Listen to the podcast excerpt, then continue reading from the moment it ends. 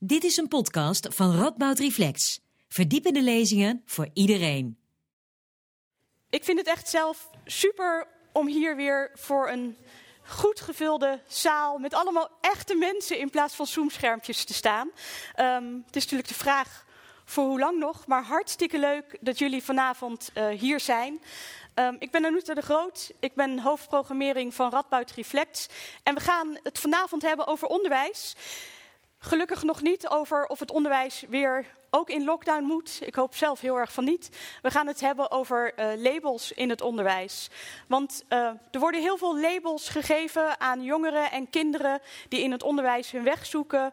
Uh, hoogbegaafdheid, ADHD, dyslexie. Jullie kunnen er vast nog een heleboel andere allemaal opnoemen. En we gaan vanavond eens kijken naar wat is hier nou aan de hand? Waarom worden die labels gegeven? En wat vinden we hier nou eigenlijk van? Is dit een goede ontwikkeling? Zou dit anders moeten? Hoe moeten we hier tegenaan kijken? Dat doen we vanavond met twee experts van de Radboud Universiteit. Er is zometeen eerst een korte lezing van Harold Bekkering. Hij is hoogleraar sociaal-cognitieve neurowetenschappen aan het Donders Instituut van de Radboud Universiteit. En uh, hij doet onderzoek naar hoe mensen leren, uh, de lerende mens. En daarna is er een lezing van uh, Lianne Hogeveen.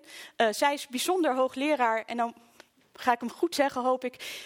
Identification, counseling en support of talent, als ik hem goed heb gezegd. Oftewel moest ik van Harold zeggen, eigenlijk gewoon de begaafdheidsprofessor. Dus dat is ook die jullie mee naar huis mogen nemen. We hebben vanavond de begaafdheidsprofessor op bezoek. En zij gaat ons van alles vertellen over uh, hoe je talent in het onderwijs een plek geeft. En uh, ze doet zelf onderzoek naar uh, hoogbegaafdheid in het bijzonder. Um, na hun lezingen is er ruimte voor een kort gesprek en ook ruimte voor vragen van jullie allemaal uit de zaal. En um, ja, jullie zien elkaar een beetje. Ik zie jullie allemaal in één oogopslag. Dan valt het mij enorm op dat er heel veel vrouwen zijn, vergeleken met mannen.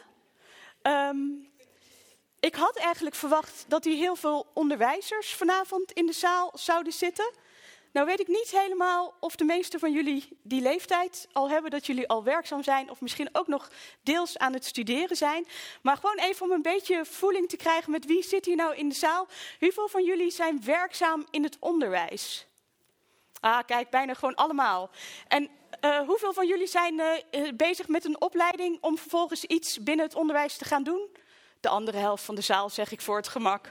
Hartstikke fijn. Nou, dan weten we dat ook weer. Uh, misschien ook de reden dat jullie uh, vanavond hier zitten, maar dat zullen we misschien ook uh, bij de vragen aan het eind van de avond van jullie mee terugkrijgen. Ik wens jullie een hele fijne en leerzame avond toe. En ik geef heel graag het woord aan Harold Bekkering.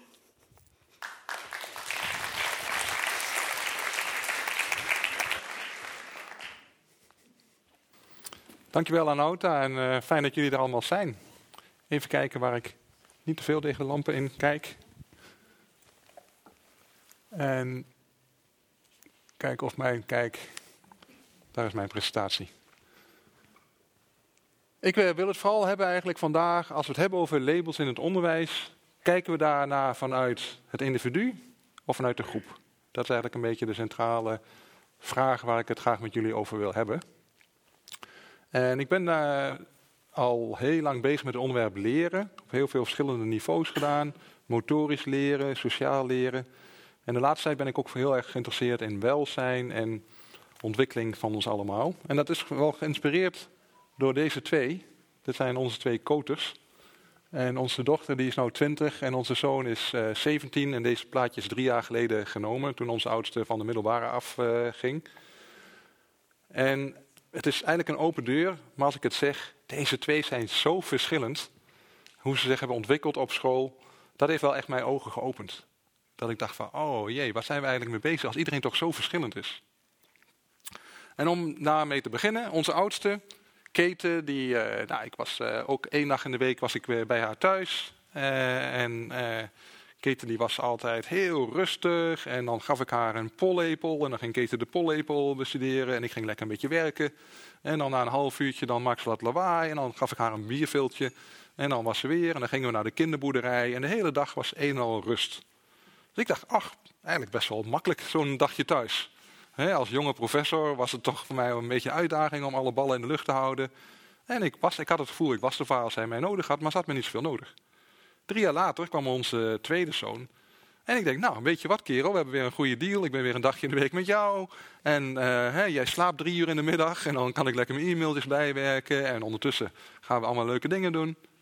Hij was echt zo anders. Het was echt half uur maximaal slapen tussen de middag. En dan krijgt hij, dan liep ik naar hem toe en dan strik ik over zijn bolletje. Ik zei, ja, alles is goed kereltje, ga maar lekker slapen. Was echt niet zijn plan om lekker te gaan slapen. Hij was gewoon klaar voor de volgende actie. En zo ging het ook op school. Keten die leerde alles gewoon heel gelijkmatig. En alles op haar manier. Stond altijd open voor elke aanwijzing die ze kreeg. En een ideaal schoolkind. Ons tweede, uh, ons kereltje, die was gewoon vanaf het begin. Hij had het gewoon niet met school, want hij moest daar de hele dag zitten. En wat hij niet wilde, was gewoon de hele dag zitten. Dat was niks voor hem. Dus al heel vroeg kregen we de vraag van, ja, heeft hij geen ADHD? Ja, heeft hij ADHD? Hij heeft heel veel energie. En hij had niet zoveel focus op de dingen die ze op school aan hem aanboden. En dat is tot de dag van vandaag nog steeds zo. En waar onze oudste nou eh, naar de universiteit in Utrecht gaat en het allemaal interessant vindt, wel ook heel kritisch daarover nadenkt, heeft onze jongste die gaat naar de mbo, sport en bewegen. Dat is zijn ding. Dus hij gaat lekker, elke dag gaat hij daar sporten. En we zien gewoon dat hij langzaam goed in zijn vel komt eh, te zitten, omdat hij nou eindelijk eens mag bewegen op school. Dus dit heeft mij heel erg beïnvloed in mijn denken erover dat we echt allemaal verschillend zijn. En wij hebben er maar twee, maar toch deze twee leren op zo'n andere manier. Ook een heel mooi voorbeeld is dat onze dochter, eh, de eerste ontwikkeling van het eerste jaar was eigenlijk identiek. kinderen die gaan eerst gaan ze lekker rollen, dan gaan ze kruipen en dan gaan ze op de benen staan. En onze dochter zei altijd meteen van, papa, wel de hand vasthouden. Zo moest je de hand vasthouden en dan ging zij daar stappen. En dan deed ik altijd stiekem, trok ik de hand terug. Dan werd ze toch boos op mij. Je moet wel mijn hand vasthouden, anders val ik om. Dus dan denk je, oh, zo geleerd een kind lopen. Je moet die aan de hand vasthouden. Ons kereltje, die wilde nooit bij de hand worden genomen. Die ging gewoon midden in de kamer, ging die staan, viel die om. En dan wilde hij zijn hand vasthouden. Nee, hij wilde het gewoon allemaal zelf doen. Er zit zo'n verschil in. En onze dochter is gewoon ideaal voor het schoolsysteem. Die wil graag duidelijkheid, veiligheid. En ons kereltje, die wil het gewoon allemaal zelf doen. En dat is echt een uitdaging op school. En volgens mij, wat daarachter zit, is toch voor de studenten onder ons deze beroemde normaalverdeling. Wij proberen toch maar wanhopig om iedereen te zien als waar zit jij op deze normaalverdeling. Nou, we zitten bijna met alles, zitten we heel veel van ons, dus hè, 68% zit in het midden. En dan heb je allebei de kant op, heb je de mensen die ergens niet zo goed in zijn, of die ergens wel goed in zijn, of afwijken van het gemiddelde. Als jullie eh, jonge kinderen hebben, je gaat naar het consultatiebureau, ook wel het consternatiebureau genoemd. Je werkt altijd ergens in af. we hadden met onze dochter, die was te zwaar. Ja, oké, ze was net iets zwaar. Ze zat, waarschijnlijk zat ze hier ergens. Net iets zwaarder, dus ja, het een goede eetlust. En ze boog niet veel. Hè. Onze dochter was gewoon, ja, lekker, lekker stil liggen, pollepeltje, uurtje stil. Ja, dan ben je al snel te zwaar. Dus dat is, maar we proberen maar iedereen te meten. En wij dachten, ja, is nou echt te zwaar? Ze was een beetje, ja, ze boog echt niet veel. Onze kereltje, hij is 1,95, is altijd gek als ik dan kereltje zeg, maar inmiddels, hij was wat drukker dan gemiddeld. Dat is in zo'n klas, je zit daar met 30 kinderen, ja, jullie kennen het beter dan ik. Drukker dan gemiddeld is al snel irritant voor de leerkracht. Want je hebt er 30. Het is niet dat je dat wil, maar je moet met die 30 verder. Dus had hij nou ADHD, ik denk niet. Hij was gewoon drukker dan gemiddeld. En als je hem nu ziet, hij is de rust zelf, 17 jaar. Hij is gewoon heerlijk rustig ontspannen. Maar hij heeft wel, ja, langzaam zie je dat, dat, het, dat hij rustiger wordt. Maar hij heeft nog steeds heel veel energie. En die kan hij nou lekker kwijt op zijn school. Gaat hij ochtend naar sporten, dan kan hij smiddags kan hij wel naar iets theoretisch luisteren. Zonder dat sporten ochtend lukt hem dat nog steeds niet. Maar is dat nou ADHD? Ja, dat is de vraag. Hij is wel drukker dan gemiddeld. Dus dat denken in die normaalverdeling, dat is echt volgens mij echt een grote uitdaging van het onderwijs om daarvan af te stappen. Hoezo willen we iedereen, zoals bij het consultatiebureau zeggen, ja, zo zwaar hoor je te zijn na negen maanden. Ja, nee, ja, sommige zijn, ja, heel veel zijn ongeveer zo zwaar, sommige zijn lichter. En hier zijn we vaak wel over eens. Daar moeten we aandacht aan geven. Je wilt niet dat natuurlijk een kind ondervoed is. Je wilt niet dat een kind niet leert lezen. Dat is wel iets wat, ja, dat, dat wil je. je. Je gunt iedereen haar ideale ontwikkeling. Maar wanneer is dat zo? Wanneer kun je spreken over, ja, dus hier maken we ons zorgen over. En, laten we wel wezen, je hebt vaak een label nodig om extra aandacht te krijgen. Anders krijg je die niet. Want dan word je geacht om hier mee te doen. En hier heb je één leerkracht voor 30 leerlingen. En je moet wel vrij ver hier naartoe zitten om echt extra aandacht te krijgen. Terwijl we weten allemaal, ja, iedereen groeit op haar manier. Laten we nou gewoon kijken, hoe kunnen we jou laten groeien? Dat is waarom ook veel van jullie juist in het onderwijs zitten, om dat te bereiken. Dat wil je graag meegeven. Wat ik ook een interessante vraag vind, en Lianne gaat daar zo meteen meer over vertellen. Nou, wat als we nu even alleen maar aan cognitie denken? En je zit hier, wat willen we dan eigenlijk? Wat wil je nou met onze jongeren die hier zitten, bij die top 2, 3 procent? Wil je die nog verder naar rechts trekken? En wat betekent dat dan? Ook heel interessant om daarover na te denken. Of zeg je, nou ja, eigenlijk cognitief is het allemaal wel oké met jou. Daar hoef je niet zoveel aandacht aan te besteden. dat rekenen en dat lezen en de hele cognitie, dat komt wel goed. Laten we eens naar andere kijken, uitdagingen van jou kijken. Want heel vaak zit je toch met die hoogbegaafdheid, vooral omdat jij cognitief en dan hoog, ja, en in talen en in rekenen. Het is niet zo dat je daar vaak terecht komt omdat je ook goed bent in, in sociale skills. Of in samenwerken. Dat is ook heel interessant. Dus ik vind die normaalverdeling is echt iets waar we alert op moeten zijn. Dat we niet elke keer voortdurend denken, hoe sta je ten opzichte van anderen? Eigenlijk is dat niet interessant in mijn optiek. Het is interessant, hoe ontwikkel jij jezelf ten opzichte van jezelf? Dat is de echte uitdaging. hoe, hoe kan ik jou daarbij helpen? Ik heb een paar voorbeelden meegenomen, gewoon om even te laten zien. Ook ik ben dan uh, bezig met hersen en cognitie. En wat zou je daar nou mee kunnen? In Nijmegen hebben we heel veel um, ehm, fMRI-apparaten staan. En daar meet je hersenactiviteit mee, namelijk die gebieden die actief zijn. Daar gaat zuurstof en bloed naartoe. En op die manier krijg je een inzicht in uh, welke gebieden actief zijn. Daarnaast kun je ook kijken hoeveel ruimte er in zo'n gebied is. Het is een beetje een technisch verhaal, maar je kunt je voorstellen, onze hersenen maken verbindingen. En leren is eigenlijk het maken van verbindingen. Nou, hoeveel verbindingen heb jij nu gemaakt? Dat kun je meten met voxel-based morphometry. Dus eigenlijk, dit, dit wil nou vragen is hier, als we nou kijken naar jongeren met ADHD en die vergelijken we met hun broertjes en zusjes die geen ADHD hebben, dus heb je zoveel mogelijk de goede matching, zelfde familie, zelfde achtergrond, de ene wel een diagnose ADHD, de andere niet. Zijn er dan verschillen in hoeveel verbindingen je hebt aangemaakt in die hersenen? Daar gaat dit plaatje over. En wat vonden ze in dit artikel in 2016 van de groep van Jan Buitelaar en collega's? Vijf gebieden allemaal voor in ons hersenen. De frontale cortex. En eh, misschien hebben jullie, sommigen van jullie wel het puberbrein gelezen. Of een ander boek. Dat is het gebied waar ze bezighouden met planning en regulatie. En daar vinden ze minder verbindingen voor de jongeren met ADHD ten opzichte van de jongeren zonder ADHD. Dus dat plaatje klopt ook meteen, oh ja, dat dachten we eigenlijk al. Jongeren met ADHD die hebben gewoon minder inhibitie, minder regulatie van hun gedrag. En dit plaatje lijkt dat te bevestigen. Ik kom er straks nog even op terug op dit plaatje. Maar je gaat dus al nadenken, zeg je, kan ik twee groepen met elkaar vergelijken? De groep met de diagnose ADHD ten opzichte van de groep zonder diagnose. En dan vind je vijf gebieden in die frontale cortex waar minder verbindingen zijn gemaakt voor de jongeren met ADHD. Nou, dit denken vanuit de groep. En ik heb ooit het boek uh, in het Engels gelezen van Michel Foucault. In het Frans heet het Histoire de la folie. De geschiedenis van de gekken. Hoe gaan we om met de gekken, de narren, de uitzonderlijke? En wat Foucault zegt in dat boek is eigenlijk, ja, weet je, vroeger hadden we daar veel meer respect voor. Dan mocht iedereen gewoon afwijken.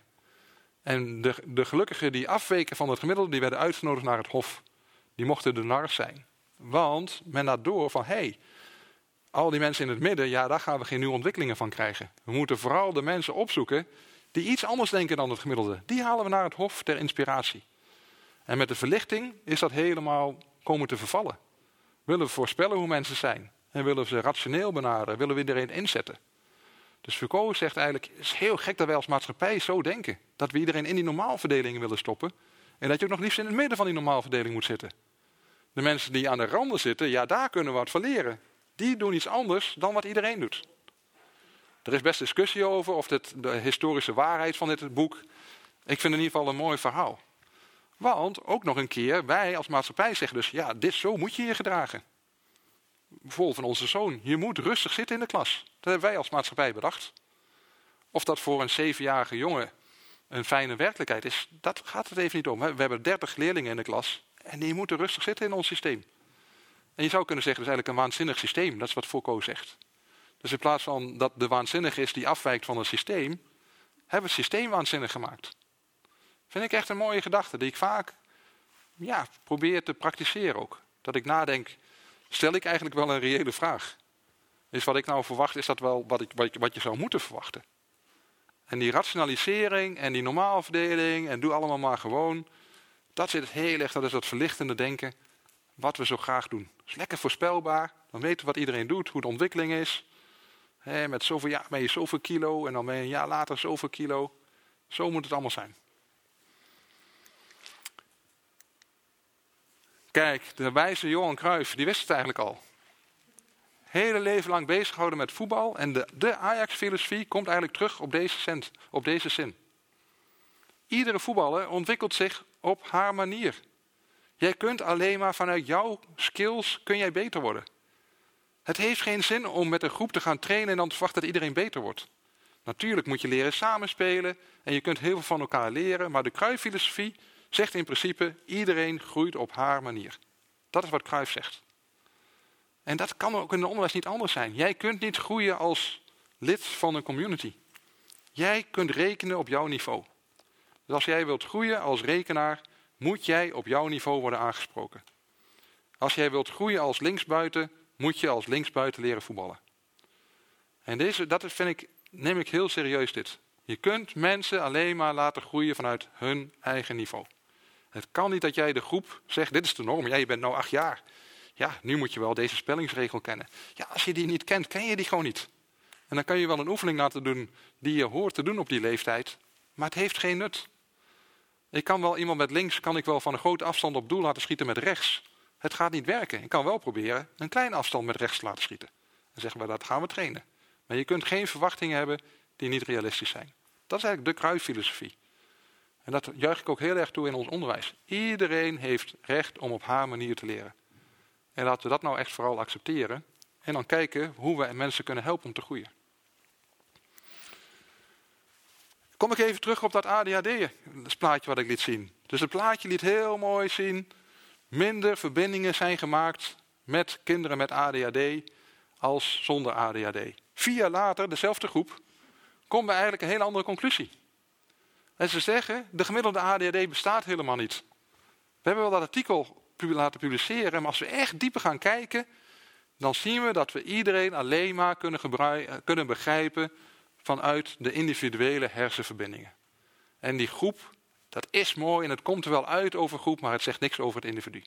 Dat is wat dit artikel eigenlijk zegt. Dus ook als je vanuit de hersenwetenschap gaat bekijken, dan komen we niet ver met gemiddelde.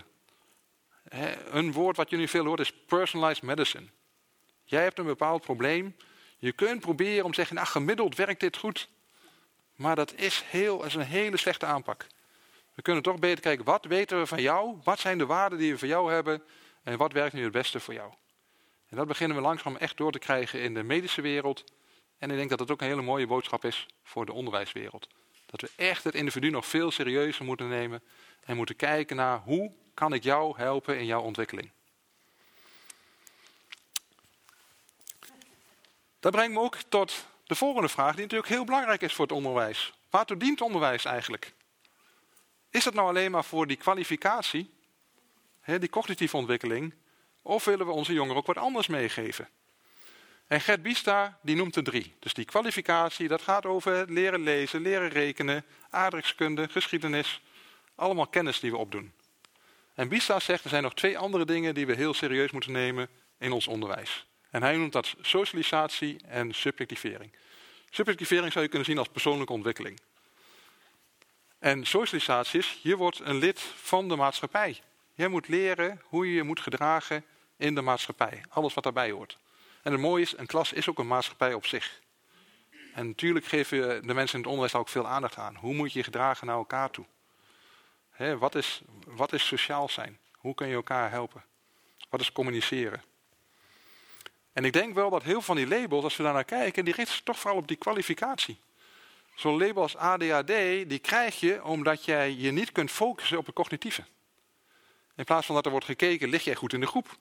Dat kan soms best wel een probleem zijn. Dat is. Maar bijvoorbeeld bij ons, uh, onze zoon, hij lag prima in de groep. Misschien niet zo altijd met, met de leerkracht. Want die wilde dat hij gewoon rustig op de stoel zat. Dus het was vaak meer een probleem voor de leerkracht, hadden wij het idee, dan dat het voor hem was of voor zijn medeleerlingen. En die socialisatie, dat neem ik heel serieus. Het is een enorme mooie kans dat je in een klas met een groep, ja jongens, we moeten het samen doen. We moeten samen de dag doorkomen. Wat hoort daarbij? Wat voor een prosociaal gedrag moeten we dan leren naar elkaar toe? En hoe gaan we om met antisociaal gedrag? Nou, dat is iets wat je meegeeft voor het hele leven. Dus ik vind het vaak zo jammer dat we alleen maar kijken naar die kwalificatie. Hoe ontwikkel jij je? En dan nemen we weer die normaalverdeling en zeggen, ja, hey, je bent nou negen. Nu had je toch die volgende spellingregel ook al echt moeten beheersen. Wat ik ook heel belangrijk vind, en dat is echt iets wat me aan het hart gaat. Je kunt alleen maar leren als je je veilig voelt. En ik heb hier een mooi plaatje gekozen en dat ga ik zo meteen uitleggen, maar dit is de boodschap. Leren kan alleen maar als je je veilig voelt. Het komt weer terug op die frontale cortex, dit voorste gedeelte van ons hoofd. Dat gebied is heel belangrijk voor alle instellingen die je hebt. Dus bijvoorbeeld, stel dat je een nieuwe taal leert, je bent bezig met Engels aan het leren, dan zegt dit gebiedje zegt dan, oké Harold, nu moet je in je woordenboek naar de Engelse woorden gaan zoeken. Dus in plaats van melk ga je milk zeggen. Dus dit stelt de regels, dus de top-down regulatie noemen. Voor het denken, voor de acties die je moet doen, maar ook voor welke, wat je kunt verwachten in termen van emoties. Als er nu in een situatie zit waarin gevaar heerst, dan gaat bijvoorbeeld de amygdala of andere diepe kernen in ons hersenen gaan aan. En wat zegt het systeem dan? Er is gevaar. En wat moeten we doen als er gevaar is? Dan moet je dat gevaar op gaan lossen. Dat overheerst. Dat zie je bij heel veel kinderen die leerproblemen hebben. Die gaan zich niet meer op de taak richten. Die gaan klieren. Die gaan vechten. Die gaan vluchten. Die gaan freezen. Dat zijn de drie F'en. Wat je eigenlijk kunt doen als er gevaar is. Je bevriest, je gaat vechten of je gaat vluchten. En wat gebeurt daarbij? Er komen er allerlei primitieve gedragingen komen naar boven. Je voelt je gewoon niet veilig. En wat dit plaatje wil laten zien, is dat als dit systeem actief is, dan gaat dit systeem gewoon helemaal uit. Dan houdt eigenlijk het denken houdt op. Dus op het moment dat je een situatie schetst, een leersituatie waarin kinderen zich niet veilig voelen, dan zul je zien dat heel veel kinderen niet meer eraan toekomen om die prefrontale cortex, dat regelsysteem, te gebruiken om zichzelf goed te ontwikkelen. Dat gaat gewoon plat. Dus deze twee systemen die bijten elkaar. En dit systeem wint altijd. Als de amygdala aangaat, als de onveiligheid is, dan zegt jouw systeem, ik moet die onveiligheid oplossen. Hoe kan ik dat doen? Ik kan het totaal proberen te negeren. Zie je heel veel kinderen die gaan echt freezen. Ik doe gewoon niet mee met de situatie. Of je gaat vechten of je gaat vluchten. Je wilt de klaslokaal uit. En dat denkvermogen kan alleen maar floreren als je je veilig voelt. Nou, ik hoop dat ik jullie een beetje heb kunnen inspireren. En ik zie heel erg uit naar de discussie die we zo meteen gaan hebben over de voor- en nadelen van labels. En ik hoop dat ik een beetje een algemene inleiding heb gegeven. En Lianne die gaat het overnemen. En zal je proberen om jullie nog meer tot denken te bewegen over dit onderwerp. Ik dank jullie wel en we spreken elkaar zo meteen weer. Dank jullie wel.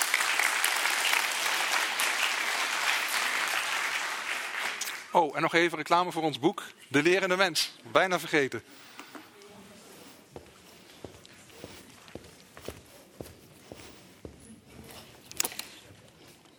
Dankjewel, Harold. Ja, inderdaad, staat hier wel in het licht te kijken. Dus om toch een beetje een idee te hebben van jullie, wil ik um, graag even weten, toch nog iets beter dan Anuta al uh, jullie vroeg, wie ik tegenover me heb. Dus, mijn vraag. Oh, ze zijn er alle vier tegelijk. Als je student bent, wil je dan even opstaan? Is ook goed voor de energie, hè? Even bewegen. Oké. Um, als je docent, docent of onderzoekers, ik gooi ze even op één hoop. Wil je dan even opstaan? Oké. Vervolgens, je ziet het al, psycholoog of orthopedagoog? Oh, oké. Waarvan ik er drie uh, goed ken. en dan tenslotte de interessante groep. Wie is er anders? Of, fluisterde Harold mij in, normaal. Oké, nou, dan weet ik tenminste wie jullie zijn. Nou hoop ik dat uh, die laatste opmerking een beetje irritatie heeft opgewekt. Want hoezo, nu weet ik wie jullie zijn. Want achter het student zijn psycholoog, orthopedagoog, docent, onderzoekers en zelfs anders of normaal zit natuurlijk, nou mag ik niet te snel klikken, ja, een verhaal. En dat verhaal, dat ken ik niet. En uh, het is ook een beetje lastig om jullie één voor één te vragen: wat is nou jouw verhaal?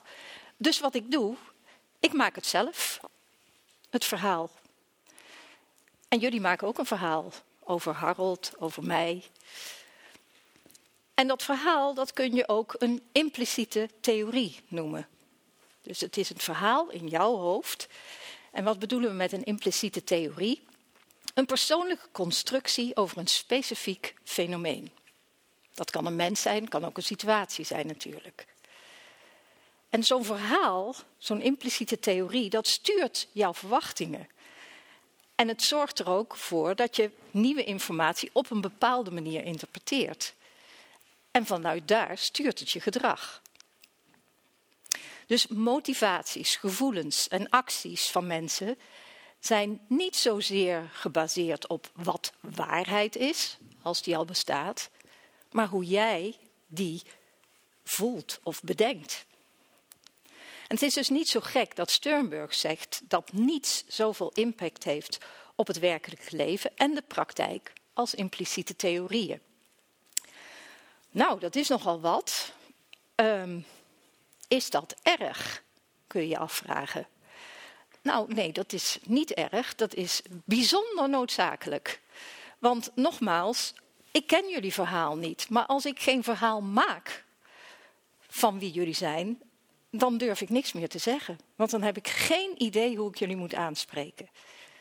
Dus ik neem maar wat aan en ik neem het risico dat er sommige mensen hier in de zaal zitten. Die denk ik, nou, dit, is, dit spreekt me helemaal niet aan. Ja, dat kan.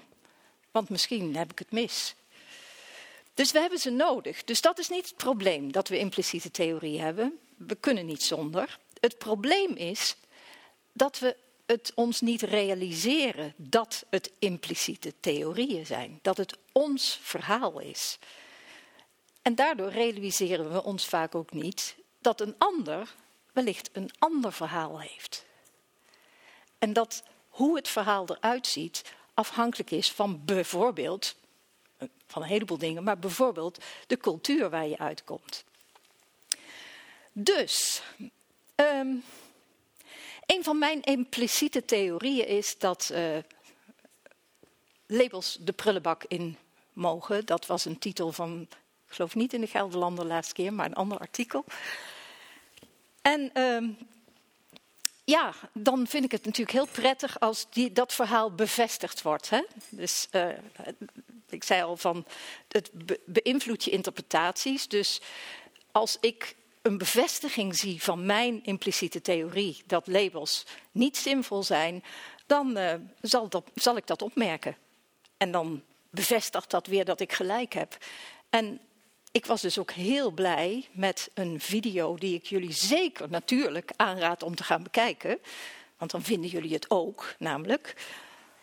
Um, een video waarbij uh, jonge mensen, zoals uh, deze dame, um, die met elkaar gemeen hebben dat ze als kind gediagnosticeerd zijn als hoogbegaafd, gifted, zijn Amerikaanse mensen.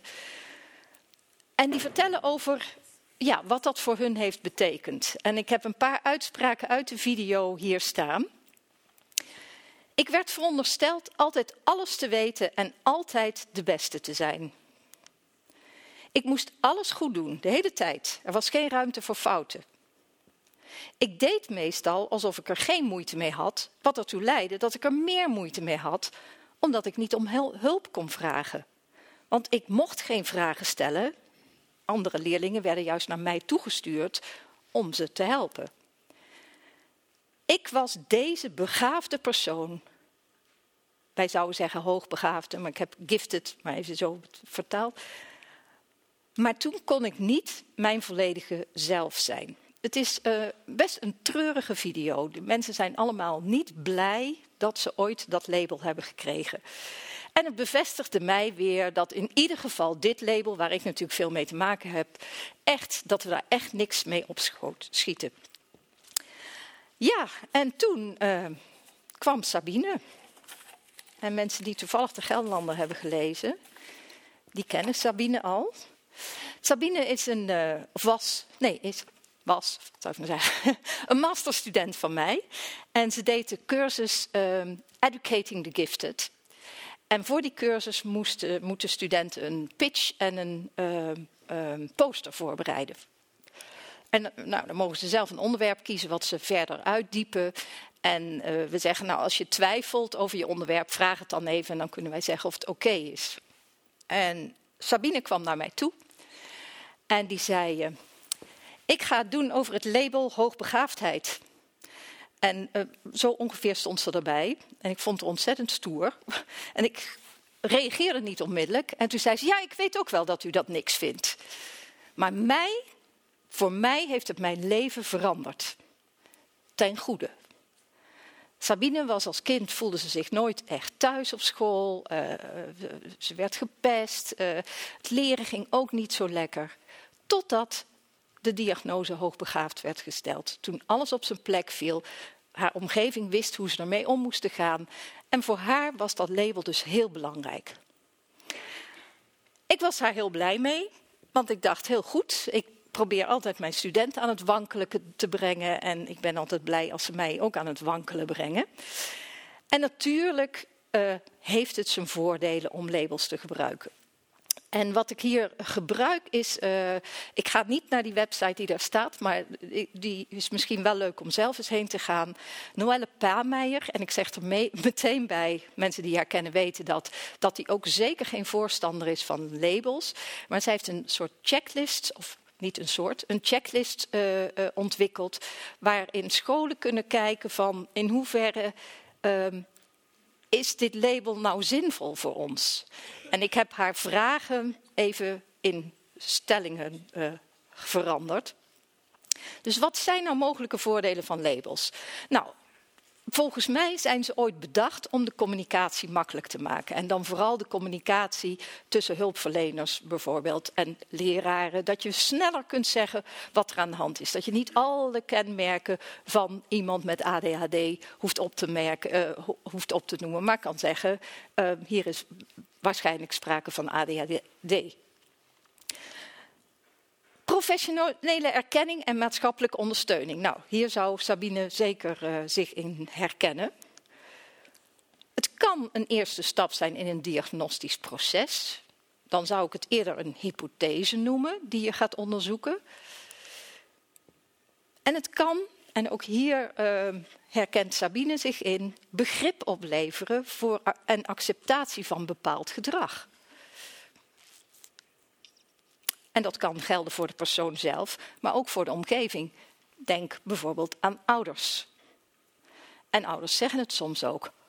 Ik was zo opgelucht toen dat, die diagnose werd gesteld, want dan is het dus niet onze schuld.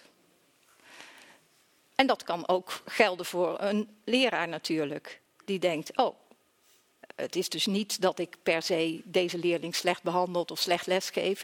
Het is het probleem van de leerling.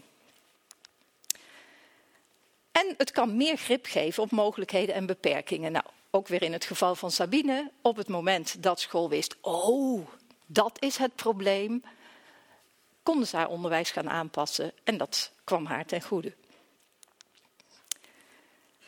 Maar ja, wat bedoelde ze nu eigenlijk, Sabine, toen ze zei: Ik kreeg het label hoogbegaafd?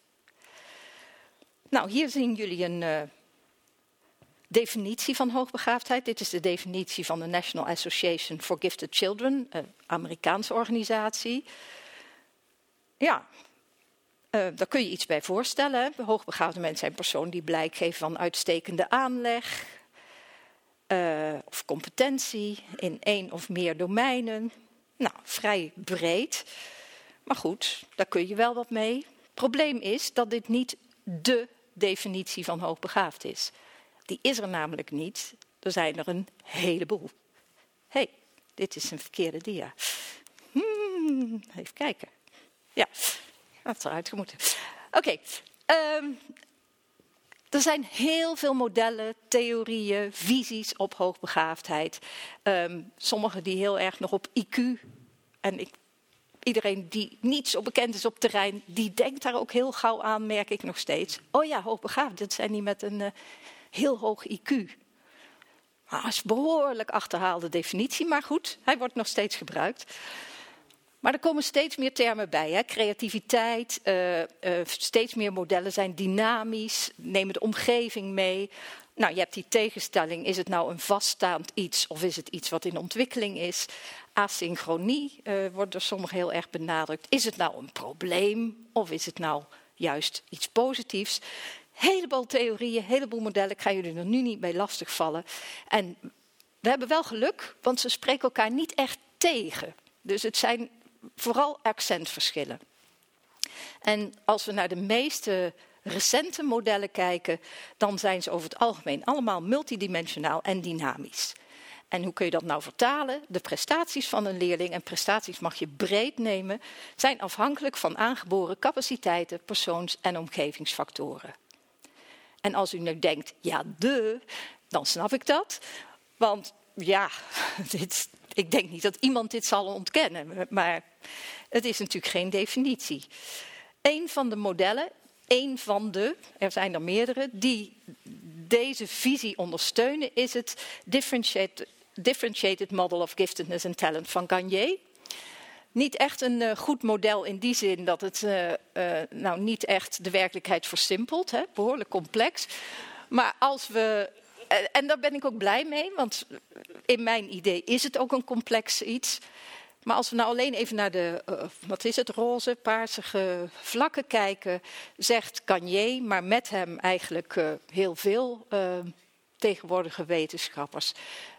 Iedereen heeft natural abilities en die kunnen zich ontwikkelen tot wat hij zegt competencies of talents. Maar die ontwikkeling, die wordt natuurlijk door heel veel dingen beïnvloed. En dat, dat verklaart waarom die competenties vaak niet in overeenstemming zijn met die abilities. dus in het ideale geval gaat alles goed. En dan kun je hier zien wat iemand in huis heeft, zeg maar, want dit kun je niet zien.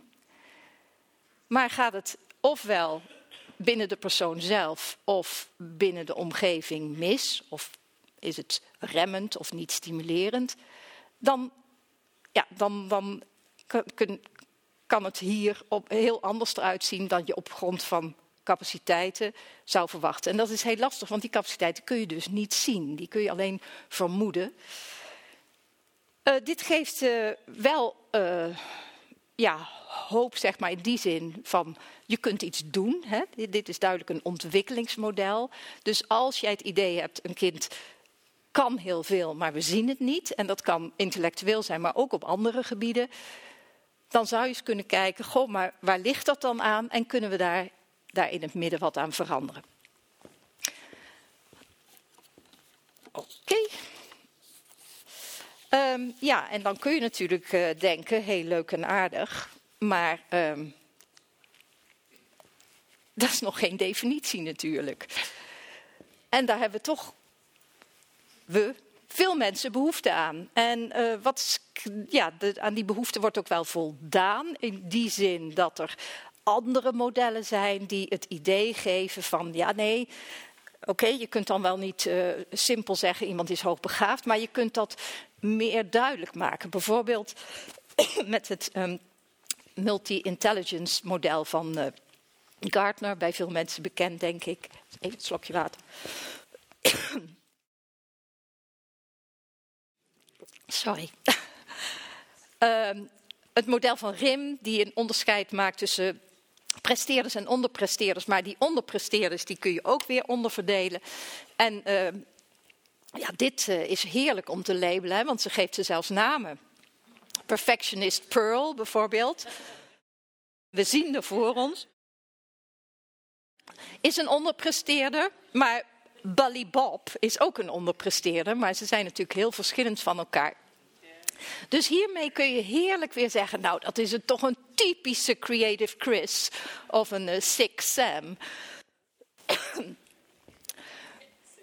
um, ook een bekende in Nederland zijn de zes profielen van Betsy Nijhart. Iedereen die iets met hoogbegaafdheid doet, kent ze. Het grappige is, als je in Amerika bent, waar ze vandaan komen, kom je heel veel mensen tegen die zeggen, nooit van gehoord. Maar uh, zeer uh, helpend, vind ik ook. Um, maar wel met een risico, want er zijn natuurlijk niet zes typen kinderen. Die hebben ook weer allemaal hun eigen verhaal.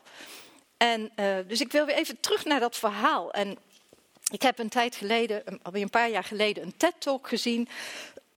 Misschien hebben je, kennen jullie hem en anders moet je hem leren kennen na die video die ik al noemde. Van Chimamanda Ngozi Adichie, een uh, schrijfster van Nigeriaanse afkomst. En zij heeft een TED-talk gegeven over de single story. En ik was zeer onder de indruk. En een van de dingen die zij zegt, the single story creates stereotypes. And the problem with stereotypes is not that they are untrue, but that they are incomplete. They make one story become the only story. En je kunt je voorstellen hoe gevaarlijk dat is. Als je alleen maar dat ene verhaal hebt en niet de het complete verhaal. Um, waarbij ik meteen moet zeggen, het complete verhaal kun je natuurlijk nooit kennen. Maar daar moeten we ons bewust van zijn. Dus dat is mijn stelling. We moeten ervan ons bewust zijn dat we impliciete theorieën hebben. En wat ik, waar ik jullie toe wil uitdagen, is dat we niet de hele tijd, want daar hebben we helemaal geen tijd voor in ons dagelijks werk, maar dat we af en toe even stilstaan en onszelf bevragen. En ik uh, leen even de vragen van Byron Katie van The Work, vast mensen die haar kennen. Uh, zij heeft die vragen geformuleerd om aan jezelf te stellen met een heel ander doel. Maar ik denk dat ze ook, ik heb ze wat veranderd, heel goed kunnen helpen om af en toe even ons eigen verhaal ter discussie te stellen. En vraag 1 is dan, is het waar wat ik, bijvoorbeeld op grond van het gegeven label, denk over een mens? Nou, misschien zeg je ja, want ik heb me heel goed geïnformeerd en uh, ik heb alles gemeten. Dan komt vraag 2. Kan ik absoluut zeker weten dat het waar is? Nou, als je daar op ja antwoordt, dan vind ik het eng worden, eerlijk gezegd. Vraag 3. Hoe zal ik reageren of wat gebeurt er als ik in dit label geloof met mijn verhaal erbij? En vraag 4 misschien wel de meest interessante. Hoe zou ik deze persoon behandelen zonder die gedachte? Dus daar wilde ik mee eindigen met die vier vragen. En de uitdaging om onze eigen impliciete theorieën, de verhalen achter de labels. Want die labels verdwijnen niet, dat realiseer ik me ook wel. Maar om ze af en toe even ter discussie te stellen. Dank je wel. Mooi, Harold. Nou, dank jullie wel, Harold uh, en Lianne. Als jullie uh, plaats willen nemen, heel graag. Um, labels in het onderwijs. Eigenlijk hoor ik jullie allebei zeggen, ze mogen wel weg. Zullen we nu afspreken? We hebben allemaal mensen die in het onderwijs werkzaam zijn of die erin gaan uh, werken. Zullen we gewoon even met z'n allen afspreken dat we ze vanaf morgen niet meer gebruiken? Ja, ik uh, ben er wel voor. Uh, ik zie ook meteen uh, de onmogelijkheid. Het is een beetje, wat, wat noem je een label? Hè? Als we het echt hebben over autisme, ADHD, uh, hoogbegaafdheid. Maar eigenlijk zijn we voortdurend aan het labelen natuurlijk. He, wij hebben elkaar vanavond voor het eerst ontmoet. Nou, ik heb jou al helemaal gelabeld hoor. Ik hoop dat het een beetje positief is, maar. ja, het, wat ik zei, het, het kan niet anders. Dus ik denk niet, eerlijk gezegd, dat het label op zich het probleem is. Het is wat we eraan aan vastmaken. Hè? Dus mensen denken, oh, jouw zoon heeft ADHD, dus ja. hij is zo, hij denkt zo, hij doet zo. En daar gaat het mis, wat mij betreft. Ik hoop dat jullie een interessante avond uh, hebben gehad. Heel erg bedankt voor jullie uh, actieve inbreng. Lianne Hogeveen bedankt en Harold Bekkering bedankt. En namens Radboud Reflex, de docentenacademie en het Radboud Center voor, ik moet in het Nederlands zeggen, Radboud Centrum voor Sociale Wetenschappen, bedankt voor jullie aandacht en graag tot ziens bij misschien fysiek, wie weet wel wie digitaal, een volgend programma van Radboud Reflect. Dank jullie wel.